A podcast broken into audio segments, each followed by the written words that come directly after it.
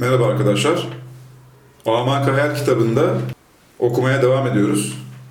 Bugün 8. günü okuyacağız. Araştırmacı yazar Bahattin Sağlam hocamızla beraberiz yine. Hocam hoş geldiniz. Hoş bulduk. Bugün Amak Hayal 8. günü okuyacağız. Daha önceki 7. günün e, bitiminde de yorumları vermiştik. Bunda da aynı şekilde 8. günde yorumları e, okuma metninin sonunda paylaşacağız. Uzun bir yorumu var. Var değil mi? Uzun bir yorumu var gelecek. Çünkü konu ruh olunca Uzun yorum. gerekiyor. yorum uzun gerekti. Tamam hocam o zaman başlıyorum okumaya. Buyurun. 8. gün Ölümsüz olan ruh bilmecesi. Burada bir cümle var. İlimde derinleşenler gerçeği bilirler denmiş. Evet, ruh derinlik isteyen bir konudur. Evet hocam. Ruhu ancak ilimde derinleşen- derinleşenler bilebilir. O yüzden bu cümleyi Bu başa cümleyi almışlar. başa almış. Devam ediyorum.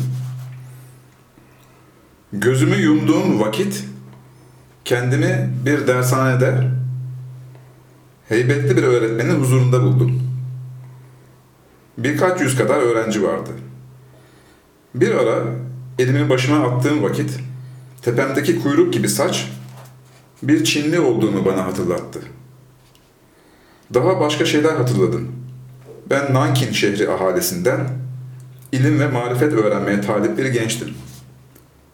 Memleketim olan Çin'i baştan başa dolaştıktan sonra sorularımı çözemediğimden seyahat ve inceleme alanımı Hindistan'a kadar genişletmiştim. Hindistan'da pek çok meşhur alime müracaat ederek sorularımı çözmeye uğraştım. Fakat hiçbiri işe yarar bir cevap veremiyordu. Nihayet Brehmenler yani din adamları içinde parmakla gösterilen inzivaya çekilmiş bir bilgeyi tavsiye ettiler.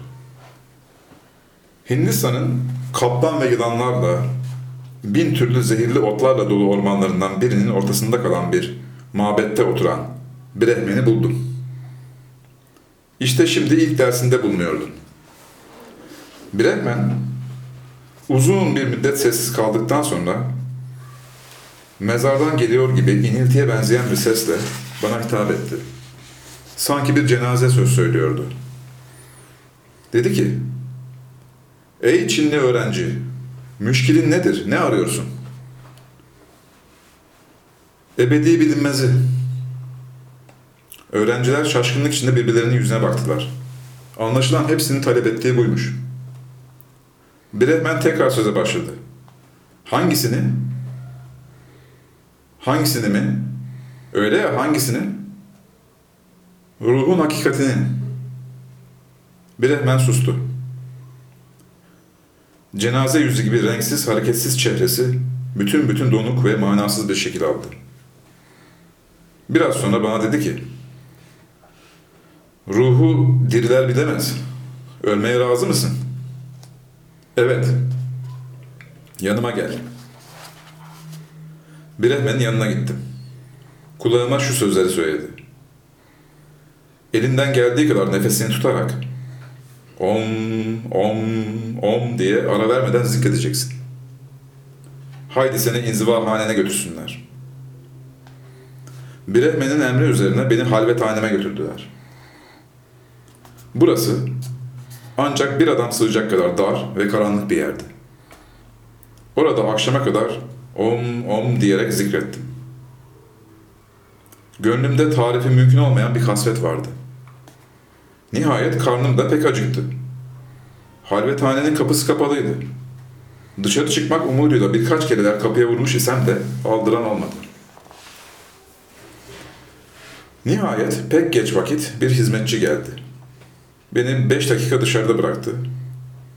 Bir avuç kavrulmuş mısır ve bir fincan su verdi.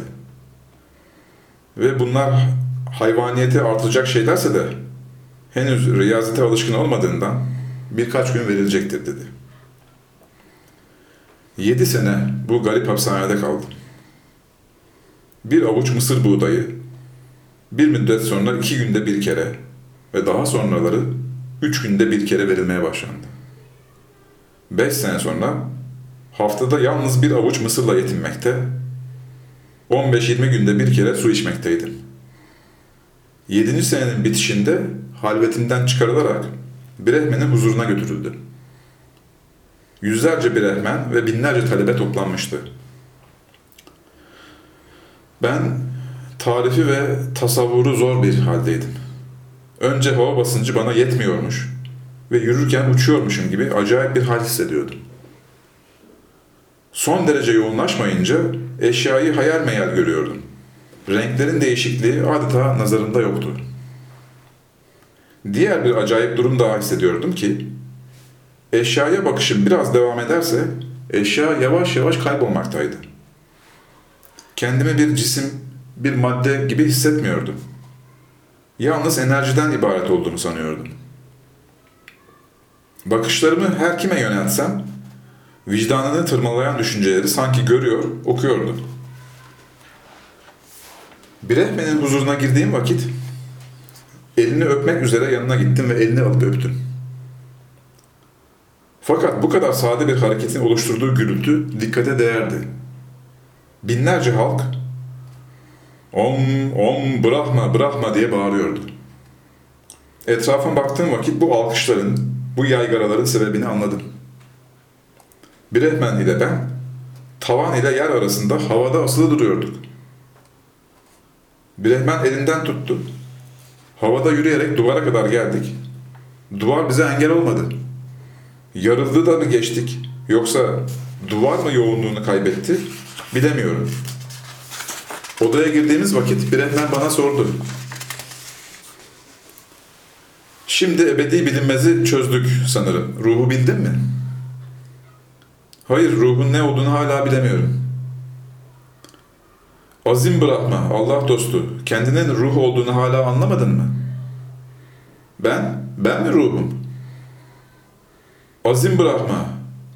Allah dostu, havalarda uçar, duvarlardan geçerken hala mı şüphe ediyorsun? Şüphe mi? Şüphem yok. Eminim ki ben ruh değilim, bir cesedim. Ve yarın bu ceset dağılacak. Ve benim benliğim hiç olacak. Yani ben kalmayacağım. Brehmen bir çığlık attı. Birkaç kere azim bırakma, yüce hak dedi ve düştü öldü. Ben telaşla Brehmen'in cenazesine kapandım. Vücudu buz gibi soğuktu. Kalbi atmıyordu. Bununla beraber gözlerini açtı. İştilemeyecek kadar ince bir sesle Ruhu anladın mı dedi. Gözlerini kapadı. Ben henüz hayır cevabını bitirmiştim ki gönlü yaralayan bir kahkaha koptu. Başımı kaldırdım. Brehmen yani cenazesi önümde yatan Brehmen'in bir ikinci aynı kendisi tavanla yer arasında duruyordu. Bana ruhu anladın mı diye sordu.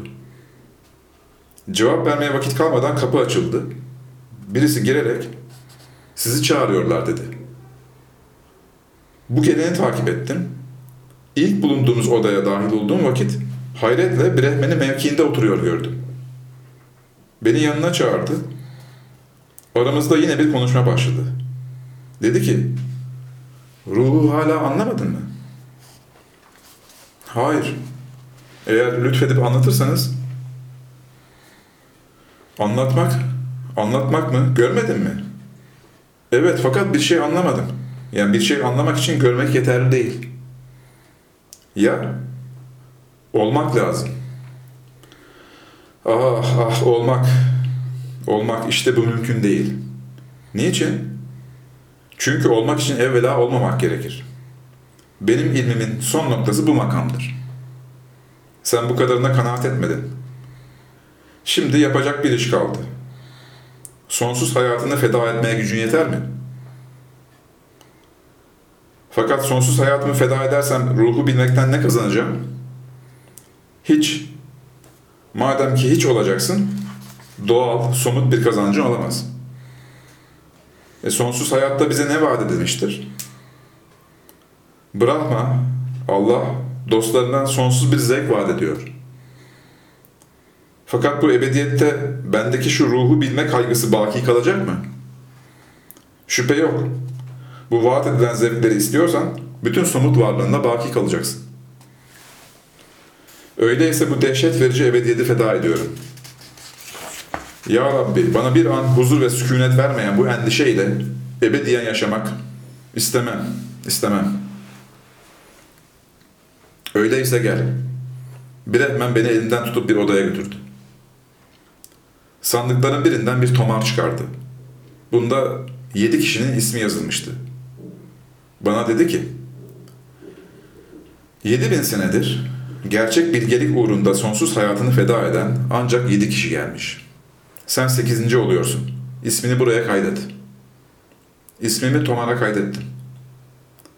Bretman tekrar dedi ki, Nur Dağı'na git. Orada problemin çözülür.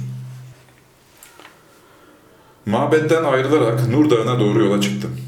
Kah yerlerde yürüyerek, kah havalarda uçarak dağa ulaştım. Tırmanmaya başladığım dağın eteğinde bu ölümlü dünyaya henüz ayak basmış, yeni doğmuş bir bebek yolun ortasında yatıyordu.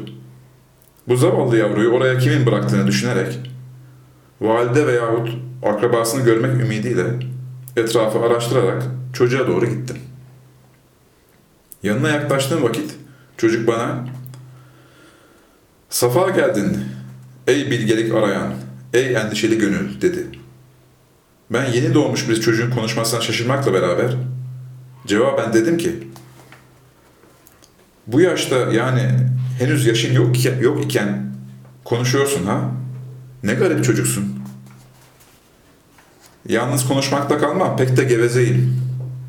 Hatta sormadığın halde sana ismimi de bildireceğim. Bana marifet derler. Ben ise ebedi bilinmezi çözmek ümidini besliyordum. Nur Dağı'nda, Aydınlık Dağı'nda yani Aydınlanma Dağı'nda Evet hocam.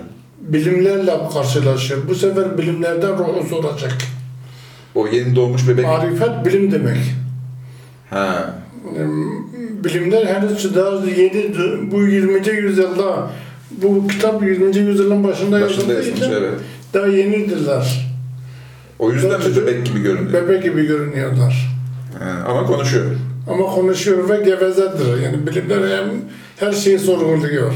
Sorguluyor. O yüzden Çocuk gibi her şeyi sorguladığı için gevezelik de yapıyor. dillenmiş yani. Dillenmiş. Bunun için de sonsuz hayatını feda etmiştin, diyor marifet. Sebep ise ruhu bilme endişesinden kurtulmaktı. Evet bu endişe, zavallı deli. Bu endişe bütün kainatın, bütün varlıkların ebedi endişesidir. Bu endişeden hiçbir kişi, hiçbir atom kurtulamaz. Zira ki kurtulmak için lazım gelen şartları yerine getiremez. Bu şart neymiş? Ben bu marifet için hayatımı feda etmiştim. Sanırım ki bundan ağır bir şart olamaz. Öyle mi sanıyorsun? Bana kalırsa ruhu bilmek için bu şart yeterli olsaydı, ruhu bilen pek çok kimse bulunurdu. Fakat ana koşulunu, bu koşul nedir? Yoklukla varlığın aynı şey olduğunu ispat etmek. Ruhun mahiyeti birliktir. Hayat bir birliktir. Yoklukla varlığın birliğini bildin mi, hayatı da ruhu da anlıyorsun. O zaman tam dengeye mi gelmiş oluyor? Birlik, birlik. Bir- birlik olmuş. Birlik diye bir kavram var, birlik. O birliği anladın mı ruhu da anlıyorsun, biyolojiyi de anlıyorsun. O zaman endişe bitiyor. Endişeye gerek yok. Çünkü birlik hayatı dağılmaktan kurtaran birliktir. Kainatın mayası birliktir. Yani kainat dağılmaya doğru giderken bir yandan da toparlanmaya doğru gidiyor. Yani birlik olmasa entropi gider? Entropi, entropi dağıtıyor, biyoloji topluyor. Ha bak bu biyoloji- çok enteresan bir... Biyoloji topluyor. Entropi dağıtıyor, Biyoloji topluyor. biyoloji topluyor. Topluyor. Toplamayı bildin mi dağılmaktan kurtul kurtuluyorsun. Evet, bu güzel bir yorum oldu. Teşekkür ederim hocam.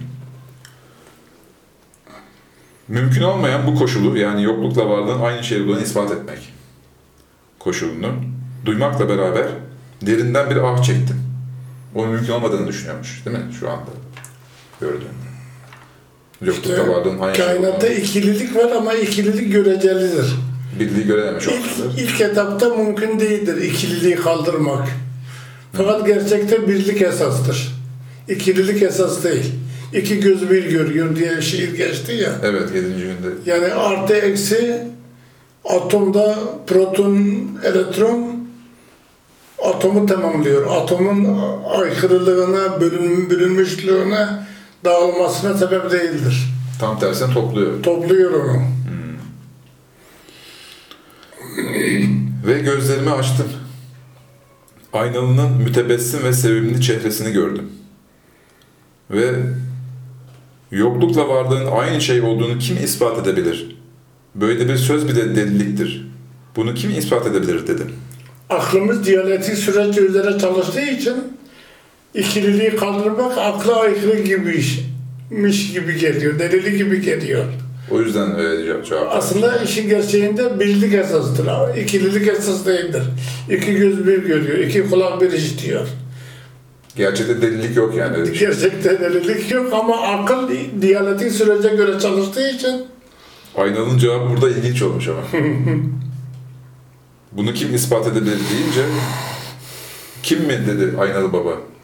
Bilmekle bilmemeyi bir tutan deliler. kendisi işte deliymiş gibi yaşıyor ve o biliyor. Değil mi? Dışarıdan abi deli gibi görüyor. O ama. bildiği biliyor. Üstad Bediüzzaman da hayat bir cilve-i vahdettir diyor. Hayat bir birlik tecellisidir. Bugün biyologlar, beyinciler, işte sinir sistemini araştıranlar hayat nedir diye biz bilmiyoruz, merak ediyoruz. Beyin dediğimiz bir kilo yağ, biraz tuz, bir, biraz diğer elementlerden ibarettir. İşin somut kısmı o kadar yani. İşin son kısmı o kadar ama oraya birliği sağlayan işte bir ayrı bir harç lazım. Ayrı bir bilgi lazım. Ayrı da soyut, o da görünmüyor. soyut gözükmüyor. Hocam 8. gün burada bitti. Evet şimdi açıklamalara geçeyim. geçelim. Ruhu da tanıyalım biraz. 8. günün açıklamaları. Fakat İslam'da ruhu tanımak, ruhlaşmak esas değil. Maddeyi, ruh, bedeni ruh gibi çalıştırmak esastır. Yani bedenin de hakkını veriyorsun. Bedeni de hakkını vererek bedeni de ruh gibi çalıştırmak lazım. İslam nefsi öldürmüyor, ruhlaştırmıyor bedeni. Yani asıl marifet orada. Burada Brahmanlar be- bedeni ruhlaştırıyorlar. Ama sonuca gidemedi bak. Uçuruyorlar, sonuca gelemedi. Gidemedi sonuca. Gerek dünyaya geliş amacını gerçekleştirmek için ve gerek ahireti hak ediş için insanın ilimde, soyutta derinleşmesi, ruhani, ölümsüz bir varlık olması gerekir. Çünkü ahiret dediğimiz cismani hayatta madde ve beden dahi ruh gibi mucizevi ve latiftirler. Uçmaya müsaittirler. Mesela beynimiz maddi bir organdır.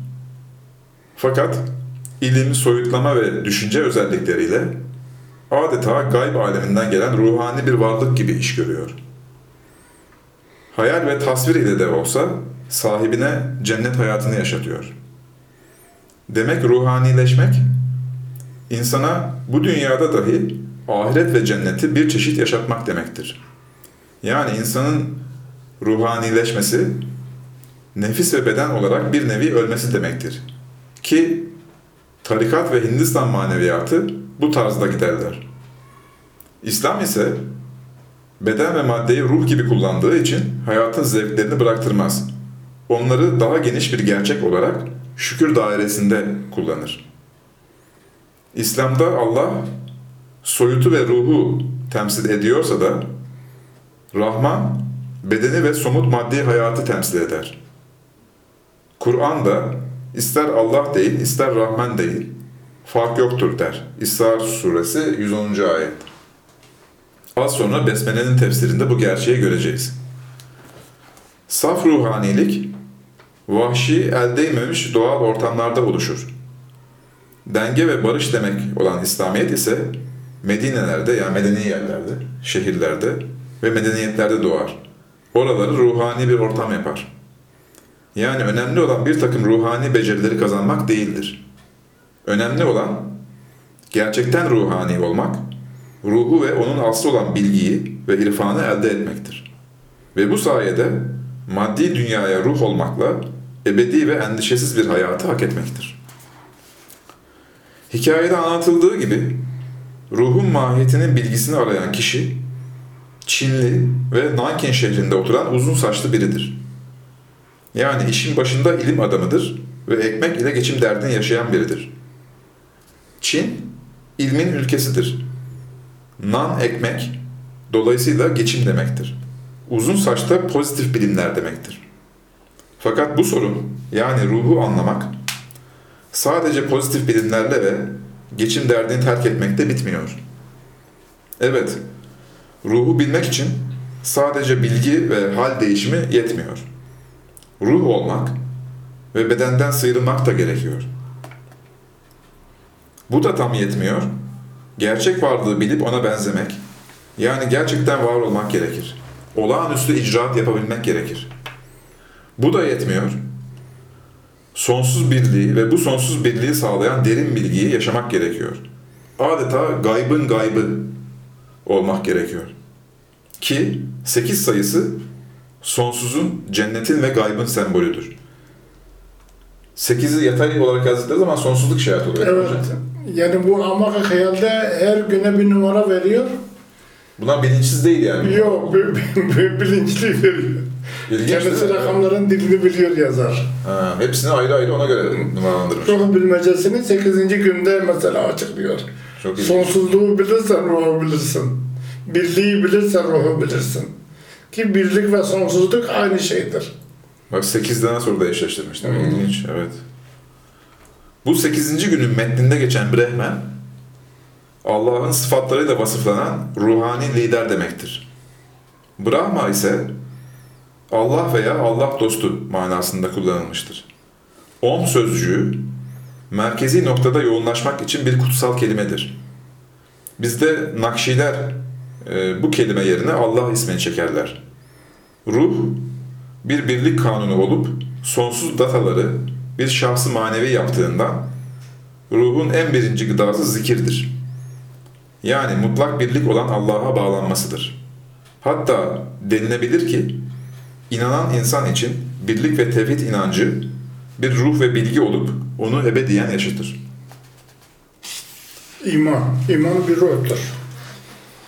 Dolayısıyla onu ebediyen Yaşatıyor. tasvirler ve tespitler çok Evet. e, nokta ve vuruş olmuş hocam bunda. Evet metinde görüldüğü gibi ruhanileşmenin, ebedileşmenin asıl çaresi varlık ve yokluğu bir bilmekten geçer. Fakat bundan bir önceki safha Nur Dağı'na gidip marifet ve bilgelik denilen mucizevi çocuktan ders almak gerekir. Evet, nur yani enerji ve ışığın mahiyetleri tam bilinse ve insan bir nevi nur olan ilimle öz- özdeşleşse ruh bir derece anlaşılır. Evet, riyazet ve tarikat olmadan da eğer insan ilmen soyut ile somutun, varlık ile yokluğun birliğini ispat edebilse ve ona göre yaşasa o da ruhanileşir. İşrakiyun yani aydınlanmacı düşünürler bu yolu seçmişlerdir. Ve bütün bunların tam manasıyla gerçekleşmesi için bilmek ile bilmemeyi bir görüp toplum tarafından deli damgasını yiyen aynalı baba gibi zatlar lazımdır. Tasavvufta ve velayette varlık ile yokluğu, olmak ile olmamayı, nimet ile musibeti bir görmenin adı rıza makamıdır. Bu makam velayet ve ermeşlikte en zirve nokta sayılır. Metinde geçen ve ismi marifet olan çocuk ise bu çağda adeta yeni doğmuş olan fen ilimleridir. O yüzden bebek gibi görünüyor değil mi hocam? Bu fenlerle de ruhun mahiyeti bir derece bilinir. Fakat bir şartla. İnsan bu fenli bilgilerle beraber sonsuzluk ve soyut değerleri de bilmeli. İşte ancak o zaman sağlıklı ve gerçek bir bilgiye ulaşır. Bu aşağıdaki parçada göreceğimiz gibi demiş bir makale var burada. hocam. Evet, ruhla ilgili bilimsel bir makale. Madem bilimle biliniyor, demek biz de biraz bilim yapalım. Evet hocam. Varlık ve ruh hakkında zincirleme bir muhakeme. Evet. Burada madde madde gidiyoruz hocam. Bir, gerçek varlık soyut ve sonsuzdur. Hak ve bir tanedir. Ortağı olmadığı gibi varlığın zıddı olan yokluk da gerçekte yoktur. Bizim eşya ve nesneler dediğimiz şeyler ise o sonsuz varlığın nokta görüntüleridir. Kur'an'ın tabiriyle onun şuun ve nitelikleridir. Yani Allah'ın şuun ve nitelikleridir. 2. Birlik esastır ve varlık bir tanedir ve sonsuzdur. Yokluk yok. Yine birlik. Yine varlık bir tanedir ve sonsuzdur. Yokluk diye bir kavram yok. Peki bizlere bir yansıma mıyız biz? Bunlar e, tecelli miyiz? Yani? Biz nokta bir tecelliyiz. Nokta- Küçük dosyayız. Varlık bir tanedir, sonsuzdur ve bir dosyadır. Biz de alt dosyayız. Eşya alt dosyadır, küçük dosyacıklardır. Dolayısıyla yokluk olmadığı için birlik esastır. Varlık bir tanedir ve sonsuzdur. Birlik esastır. Yani bilgisayar diliyle de bu şekilde izah etmiş oluyoruz değil mi? Sıfır sıfırdır yani. Asıl olan birdir. İbn Arabi gibi zatlar varlığı bir ile ifade ederler. Varlığı bir ile ifade ediyorlar. Varlığı somut olarak görüyorlar. Somut varlık Allah'ın kendisidir ve sonsuzdur. Somutu da sonsuzdur. Soyutu da sonsuz olduğu Yani gibi. uzayda bir boşluk, bir yokluk kavramı yoktur.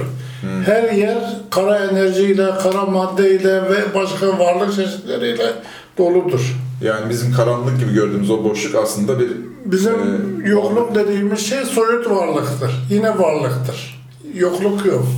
Varlık bir tanedir ve sonsuzdur. ne kadar farklı görünüyor insanların bakış açısından. Evet. Dolayısıyla yokluktan korkmamak lazım. evet hocam. İkiye geçiyorum. Yani gerçek varlık öz olarak soyut olmakla beraber sonsuz biçimlerde sayısız eşya ve olaylar olarak somutlaşır. Yani burada Allah'ın nefsi diye bir, e, makaleniz var. Evet, kainat Allah'ın diyalektik süreçle işleyen Allah'ın nefsidir. Kainat Allah'tan ayrı bir şey değildir.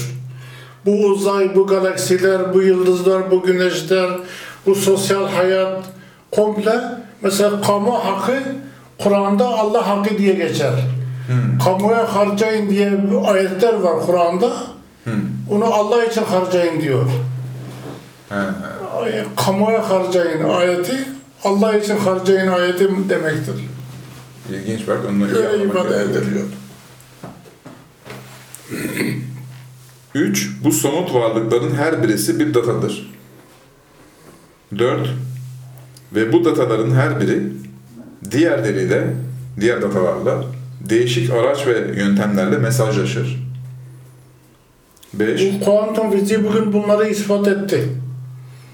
Kuantum fiziği diye internete girsinler, yani önlerine bu bilgiler net olarak gelir.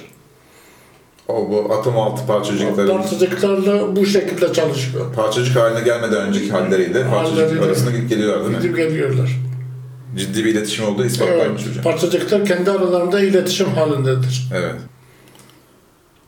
Demek somut varlık ve kütle çekim gücüne sahip olduğu gibi bilgi ve mesaj üretme özelliğine de sahiptir.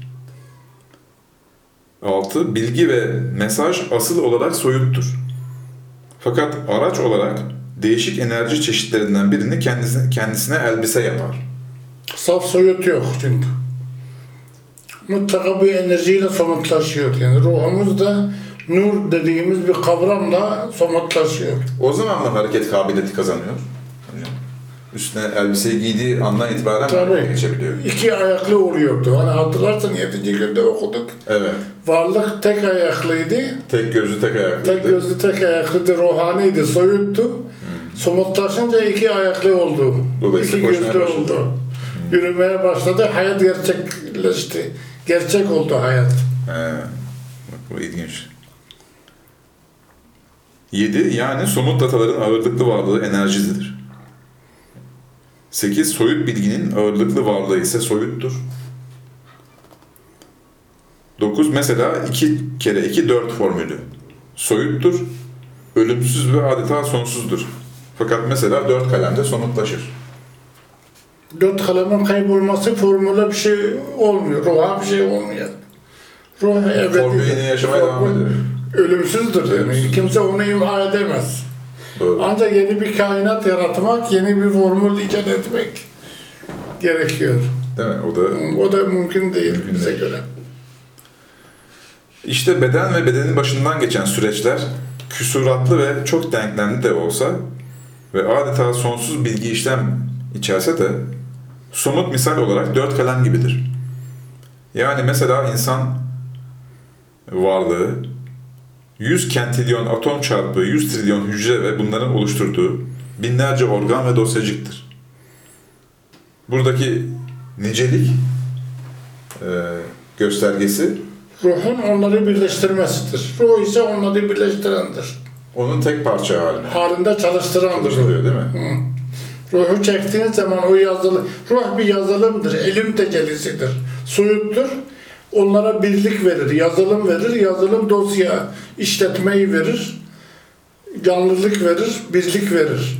Ruhu çektiğin zaman o 100 trilyon, kentrilyon atom dağılıyor. O entropi o zaman oluyor. yani. Entropi o zaman oluyor. Ruh ise bunların ve bunların bütün hayat sürecinin toplamının bilgi işlem hacmi ve programıdır. Bu yazılım ve program olumlu ve güzel işlerle zenginleşir.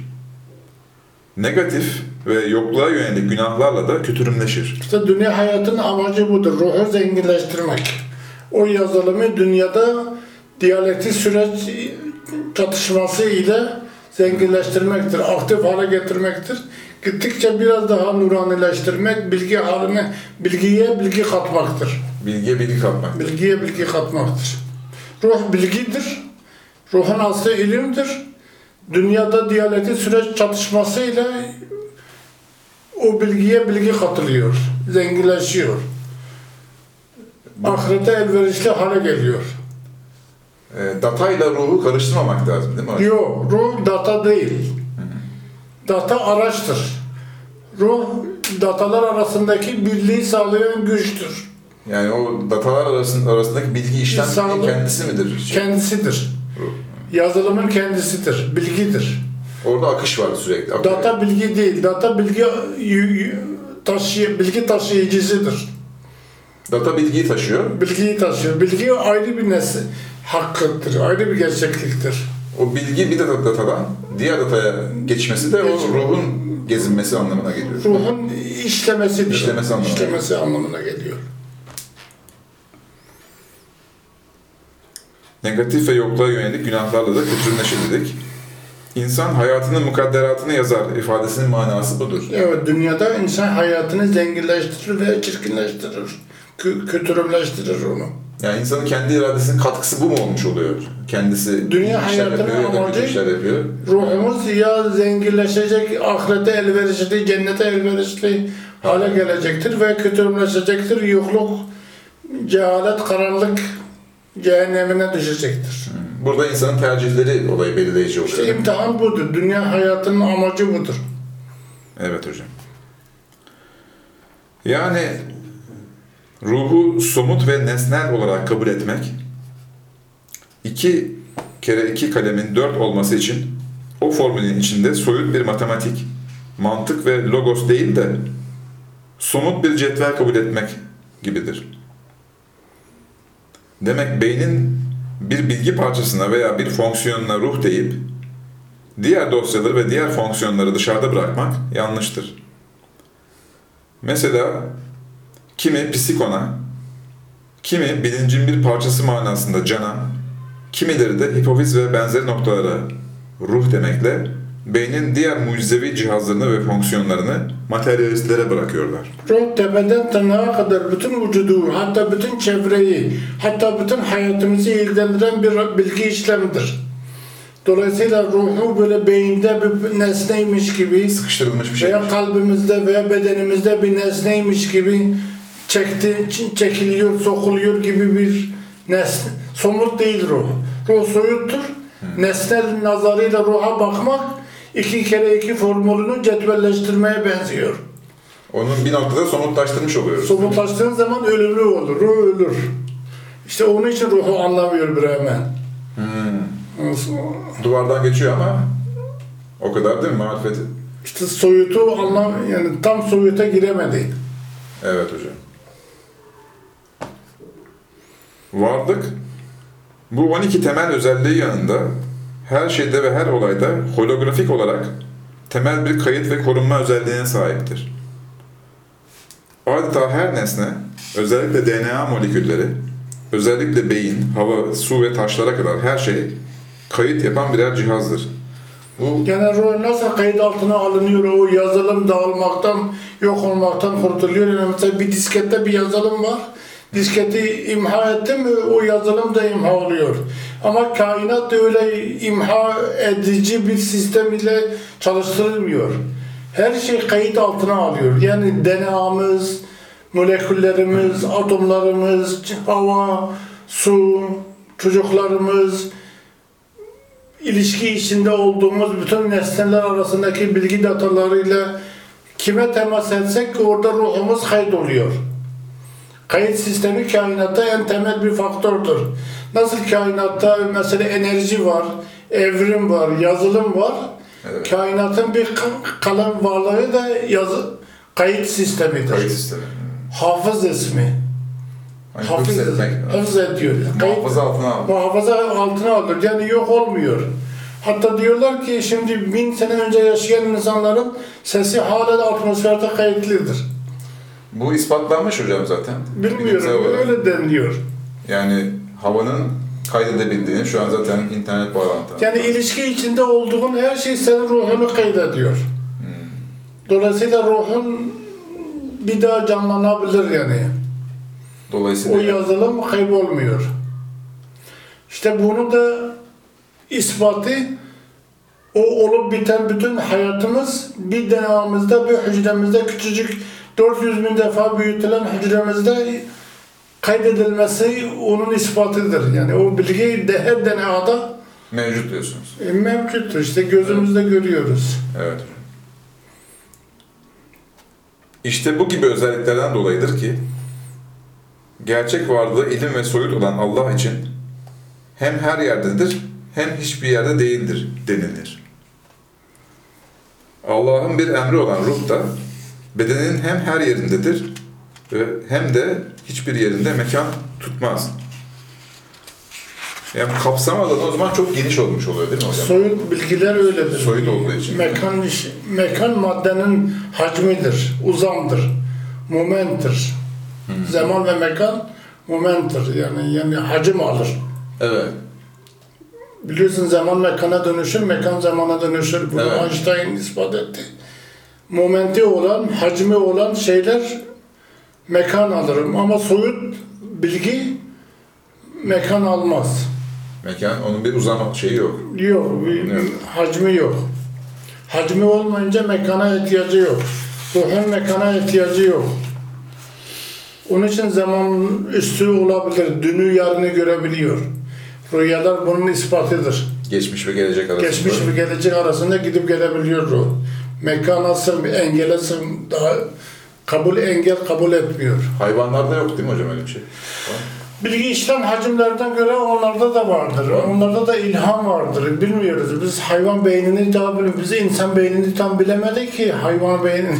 Öyle değil mi? Tabii bir insan beyni bugün henüz daha çok başındayız yani. Evet.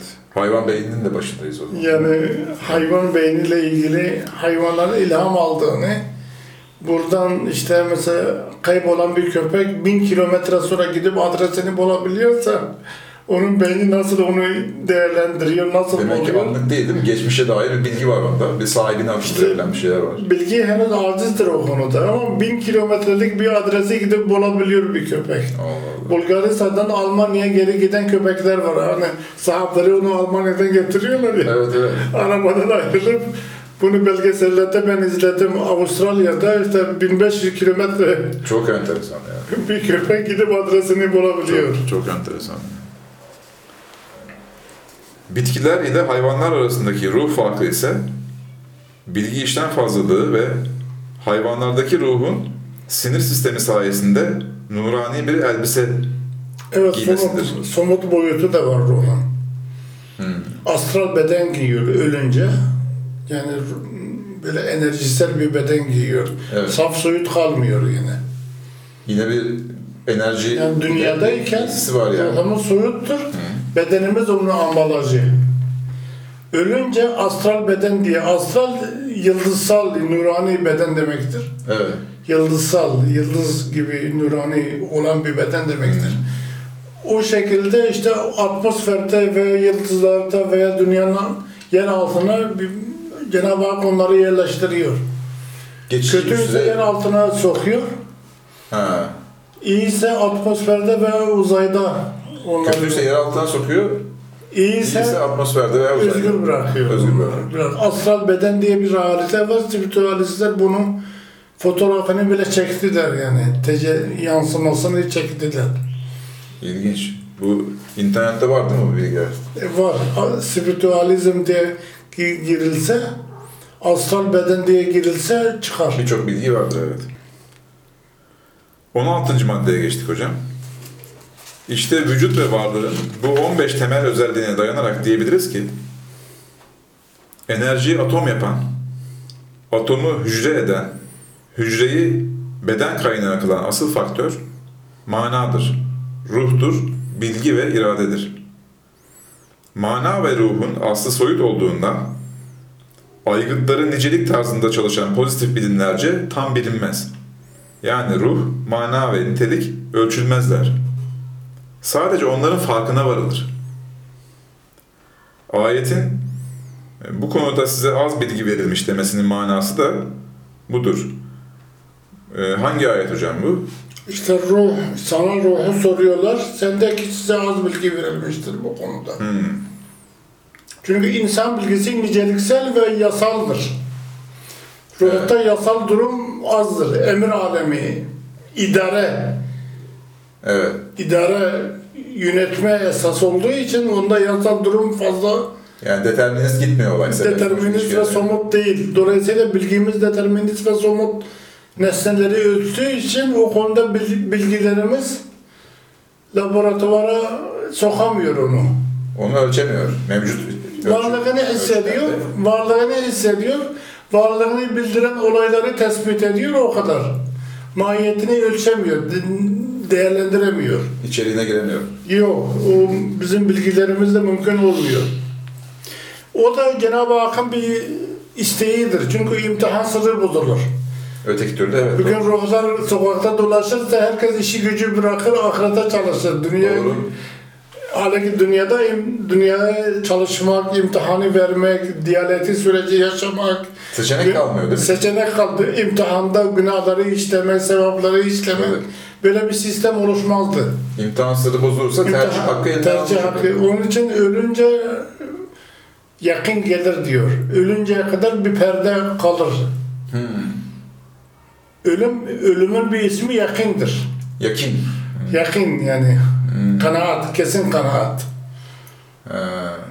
Ölünce kesin kanaat gelir, o alemi görüyorsun. Cenneti, cehennemi, ruhu, cinni, meleği görüyorsun. İmtihan sırrı artık gerekmiyor. Artık bozuldu orada değil mi? Bitiyor imtihan sırrı.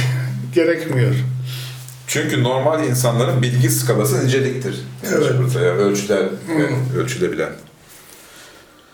Ve bu sonsuz mana, ruh ve bilginin somut olarak görünmesi için sibernetik sistemin temel özelliği olan denge, adil yani adalet, denge Tabi denge gerekir. denge gerekir.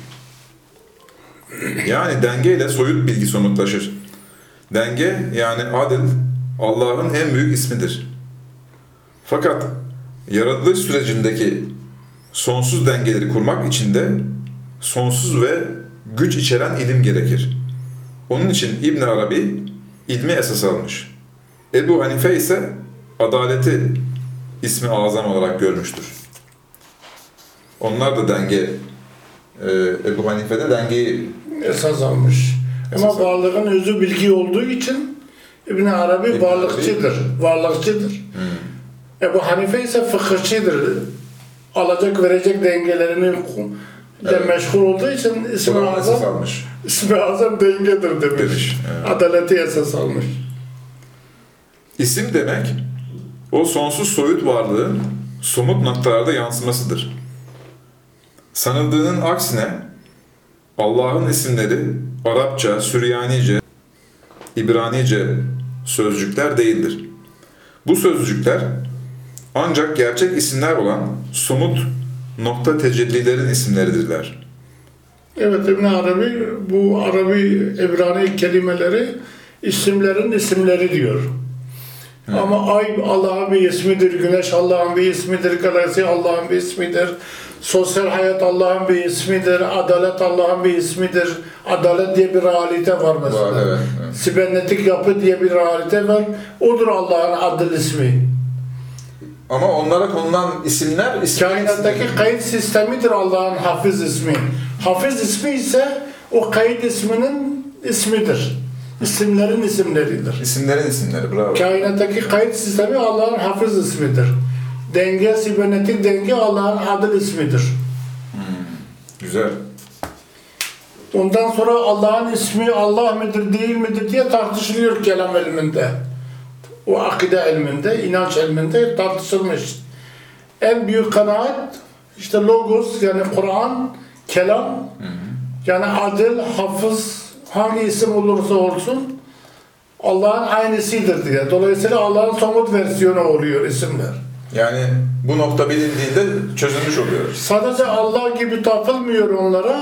Çünkü bir nesne eğer somutsa ve sınırı belliyse, sınırlıysa ona tapılmaz. Tapma sonsuzda ve soyuta yapılır. Bunlar nokta tecelliler. Nokta tecellilere tapılmaz. O arada bir fark var yani. Ama vücut olarak Allah'ın aynısıdır. Ama karakol. Karakol gibidir. Devleti temsil eder ama devletin her şeyi değildir.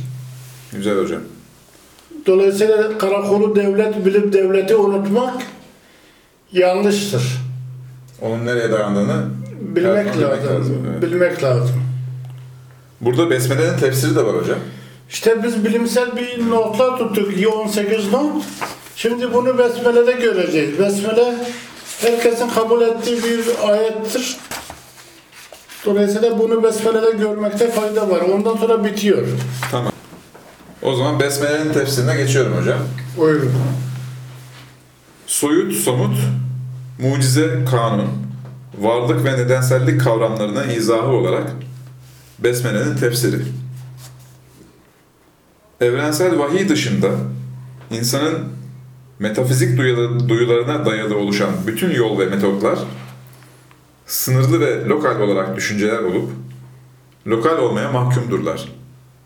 Lokal düşündükleri için sonsuz olan gerçeği görmek uğruna dünya ve ahireti, ruh ve bedeni, bilim ve inancı ve Allah'ın iki eli sayılan diğer zıtları birbirinden ayırmak zorunda kalırlar. Dolayısıyla onlar hayatı ve varlığın tümünü kuşatamaz, kuşatıcı ve canlı olamazlar. Kur'an ve peygamber yolu ise bütüncül olduğundan ve zıtları barıştırdığından o yolda sonsuzluğu ve realiteyi görmek çok kolay ve herkese nasip olabilir. Ayrıca tasavvuf olağanüstü bir eğitim gerektirdiğinden çok az insana nasip olabilir. Bu yolda yetişenler dahi sahabeler kadar gerçeği göremiyorlar. Onun için en küçük sahabe en büyük veliden daha büyüktür diye ümmet kabul etmiştir. Hikayede anlatıldığı gibi tasavvuf 7 yıl hücreye kapanmaktır. Evet hocam. Bir avuç mısır ile yetinmektir. 15 günde bir su içmektir. Evet. Ki ruhanileşsin, beden ruhanileşsin. İslam böyle bir yolu fıtrı görmediği için Zaten acıkıyordu orada yani. mecburen açık. Dayanamıyordu yani. Evet. Riyazete. İslam zıtları dengelemekle bu ruhu buluyor. Denge içinde ruhu bulduğu için böyle bir yönteme ihtiyaç duymuyor. Sahabe yolu tasavvuf yolu değil. Yani hayatın akışı içerisinde e, görmek, o zıtları yaşamak daha mı geliştirdi, iyi geliştiriyor? Daha doğaldır, daha evrenseldir, daha yaygındır. Herkese gidebilen bir yoldur. Sınırlı bir cemaat içerisinde falan Değildir ki bugün tarikatlar, çağımızda tarikatlar hepsi holdingleştiği için Evet. riyazete başvurmuyorlar. Dolayısıyla tasavvuf işlemiyor bu asırda. Yani ismen tasavvufi gibi görünse de tarikat gibi görünse çoğu holdingleşti. Evet hocam. Kur'an ve İslam madde ve hayat içinde ruhu gösteriyor. Dolayısıyla ruhun varlığını ve ölümsüzlüğünü ispatlamaya gerek kalmıyor. Ve bu yolda bütünlük ve gerçeklik olduğundan insanın geçim için yaptığı kavgalar bile camide yaptığı itikaftan daha sevaplı olur. İslam'da ilim kaynağı beş duyu verileri ve icmadır. Yani bilimsel gerçeklik, ihtisas ehlinin genel kanaati ve beş duyunun tespit ettiği mucizelerdir. Metafizik keşif ve kerametlerin ölçüsü tutturulamadığından onlar epistemolojik kaynak olarak kabul edilmiyorlar. Onun için sahabe yolunda keramet az olur.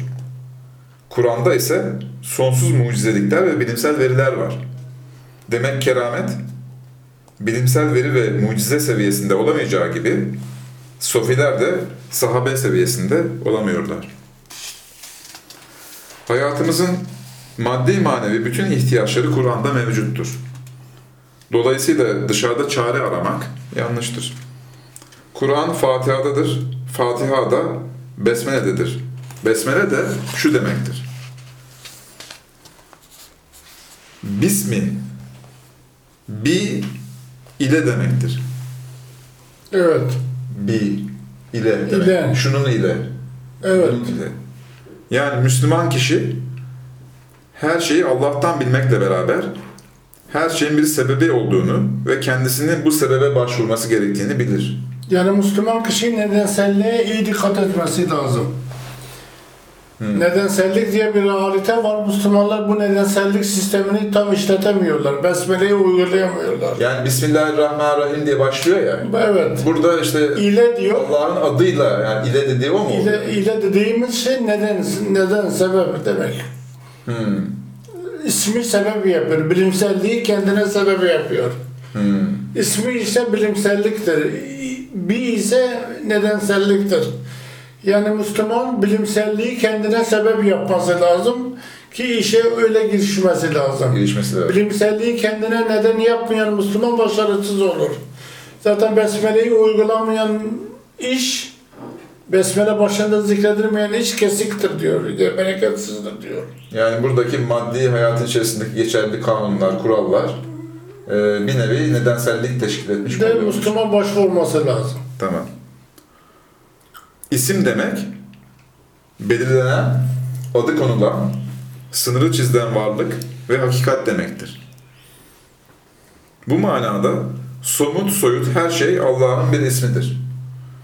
Dolayısıyla varlığın bazı kısımlarından uzaklaşmak ve onları mutlak kötü görmek yanlış olur.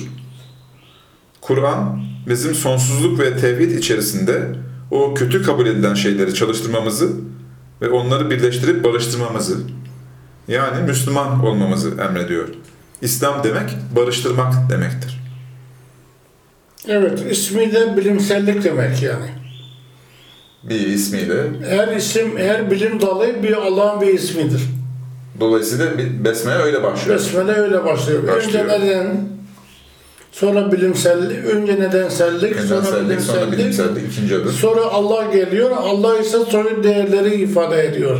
Hmm. Gerçek işleteceğimiz sistem ise soyut değerler olacak. Onu da okuyayım hocam. Evet.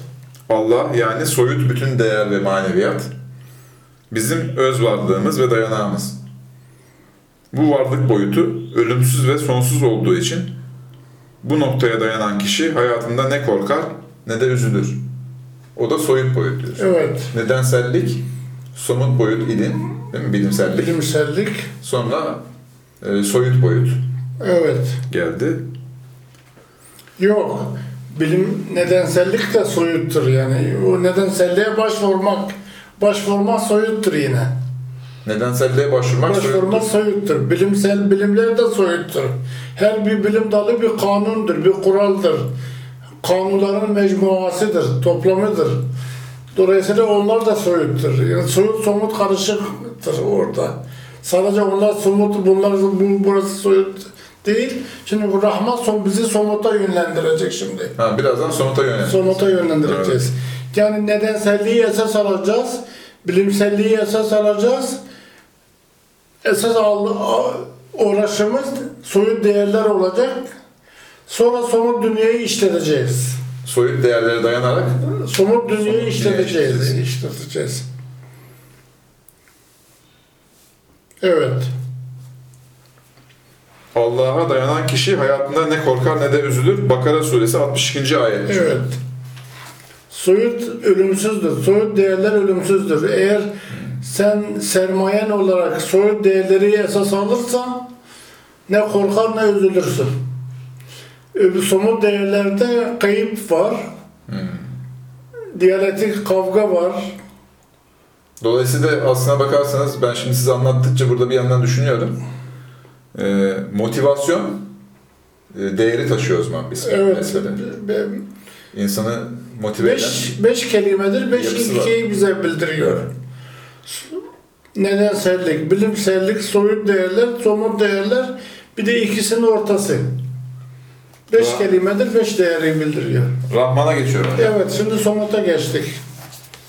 Rahman yani Allah ile ifade eden, edilen bütün değerlerin sonsuz örneklerle somutlaşması. Evet, Yani kainat, yani somut olan her şey. Onun için Kur'an çoğu yerde insanı Rahman'a yönlendiriyor. Evet, kainat diyalektik yapıya dayanır. Yani kainattaki bütün yasalar ve kurallar Rahmaniyet'in iki eli gibidir. Bunlar asla kötü değildir. Sadece gelişmek ve üretmek için bir miktar sıcak ortam oluşturur. Bu fırına dayanmak için de sabır tavsiye edilir ki dinde sabır imanın yarısı kabul edilir. Rahman kelimesi 298 eder. Bu ebcedi hesap mıdır hocam?